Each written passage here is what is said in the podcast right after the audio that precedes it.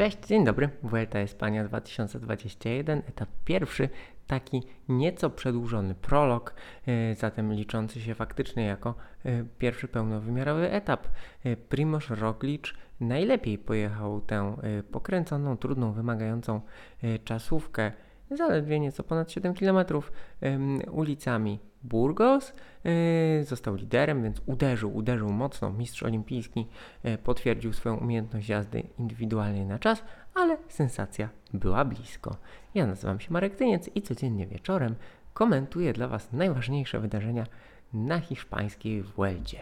E, bardzo fajna ta czasówka, ale zanim o tym, to taka uwaga, no bo w zasadzie wydawałoby się, że po takich 7 kilometrach, no to wszystko, co można powiedzieć, e, sprowadza się do omówienia e, wyników. No i w zasadzie to omówienie wyników za chwilkę Wam przedstawię. Natomiast najpierw kilka, kilka takich uwag, no bo tego typu czasówki, takie prologi albo odrobinkę dłuższe czasówki, które już się nie kwalifikują jako prolog, tylko jako etap, na początek wielkich turów. One po pierwsze ustawiają klasyfikację, więc potem teoretycznie jest bezpiecznie, no bo już są, są różnice, więc nikt się nie pcha i tak dalej, i tak dalej, chociaż na Vuelcie to raczej nie jest problemem z, z różnych powodów, bo, bo jednak mniej, mniejszy prestiż, szersze drogi, mniej e, chętnych do wygrania etapów. Mm, natomiast y, to jest też taki pierwszy istotny sprawdzian formy, to znaczy nawet tak krótka próba potrafi zweryfikować faktycznie przygotowanie e, danego zawodnika. No i teraz jeżeli popatrzymy sobie na e, przedwyścigowych faworytów klasyfikacji generalnej, no to po tej 7 i 7-kilometrowej i 100-metrowej e, czasówce z niewielkim podjazdem, z wieloma zakrętami technicznej, trudnej. Mm, mamy Primoża Roglicza 14 sekund Własowa, 17 sekund Bardeta, 18 sekund Masa, 20 sekund Adama Jejca, 21 Miguela Angela Lopeza i to jest taka e, niespodzianka in plus. Carapala 25, Bernala 27, Cartiego 33 i Lande 39 sekund. Zatem niby blisko, ale już nie, biorąc pod uwagę, że Roglic yy, z dużym prawdopodobieństwem będzie budował swoją przewagę nie tylko atakami w górach, ale też bonifikatami na finiszach, no to ta jego przewaga na przykład nad Landą już wydaje się być mm, całkiem, całkiem spora. Yy, co jeszcze? No, spektakularna to była próba. Była to naprawdę próba bardzo efektowna i widowiskowa. Idea, aby wystartować z wnętrza katedry, nie z przed katedry, tylko z wnętrza katedry, no jest e, intrygująca, ekscytująca, ciekawa. No i e, właśnie media na świecie o tym mówią. No i można pewne rzeczy powtarzać Czesławowi Langowi, można sugerować. E, Natomiast on takich rzeczy no, nie, nie, odważa się robić, natomiast e, to nie chodzi o katedrę, tak? E, natomiast, e, no bo podejrzewam, że w konserwatywnym kraju, takim jak Polska, start z wnętrza kościoła panów w Lajkrze pewnie by nie przeszedł. Natomiast chodzi o to, że hiszpańska Vuelta szuka, szuka takich spektakularnych elementów. Y, start honorowy był z lotniskowca, y, był plan, żeby kolarze jechali po plaży.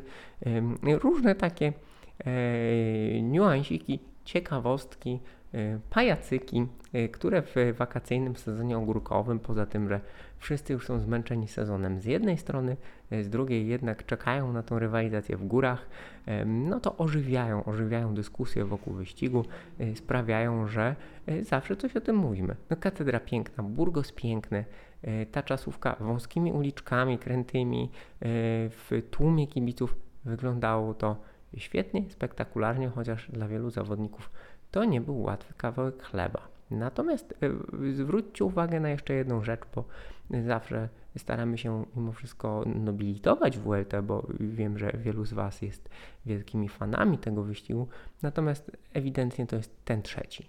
E, bo nie wyobrażam sobie na Tour de France, żeby spora część zawodników, nawet tych, którzy jadą jako do pomocy, do treningu, cokolwiek, na Tour de France, na, na otwierającej wyścig czasówce, nie będącej stricte uphillem, jechała na rowerach e, szosowych po prostu, nie na rowerach do jazdy na czas, tylko na rowerach szosowych. Tutaj e, niektórzy zawodnicy, ci, którzy e, no, nieco mniej się przykładali, jechali tylko właśnie tak aby zmieścić się w limicie czasu, pojechała na rowerach szosowych, więc widać ewidentnie, że no, Vuelta jest tym trzecim, co nie zmienia faktu, że nawet jeżeli popatrzymy na tych nazwiska faworytów, których już wymieniłem, no to ta lista jest imponująca i możemy się spodziewać bardzo, bardzo ciekawej rywalizacji. Bernal zaczął bardzo dobrze, nie tracił na podjeździe dużo do Roglicza, ale potem na tych bardziej technicznych odcinkach nie to stracił. Ale tak to większość kolarzy tych faworytów zgodnie, zgodnie z, z przewidywaniami.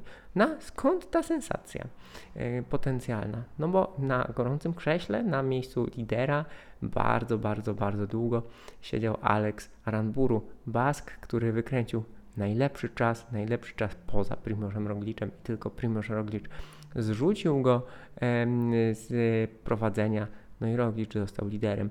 A Ranburu jest niewątpliwie bardzo dobrym zawodnikiem, bardzo solidnym zawodnikiem, e, szybkim, dynamicznym, e, dobrze się czuje w ucieczkach, no i tak znakomita jazda e, w otwierającej wyścig czasówce. Mm, no jest, jest, jest, jest dość e, jakby na to nie patrzeć e, ciekawa.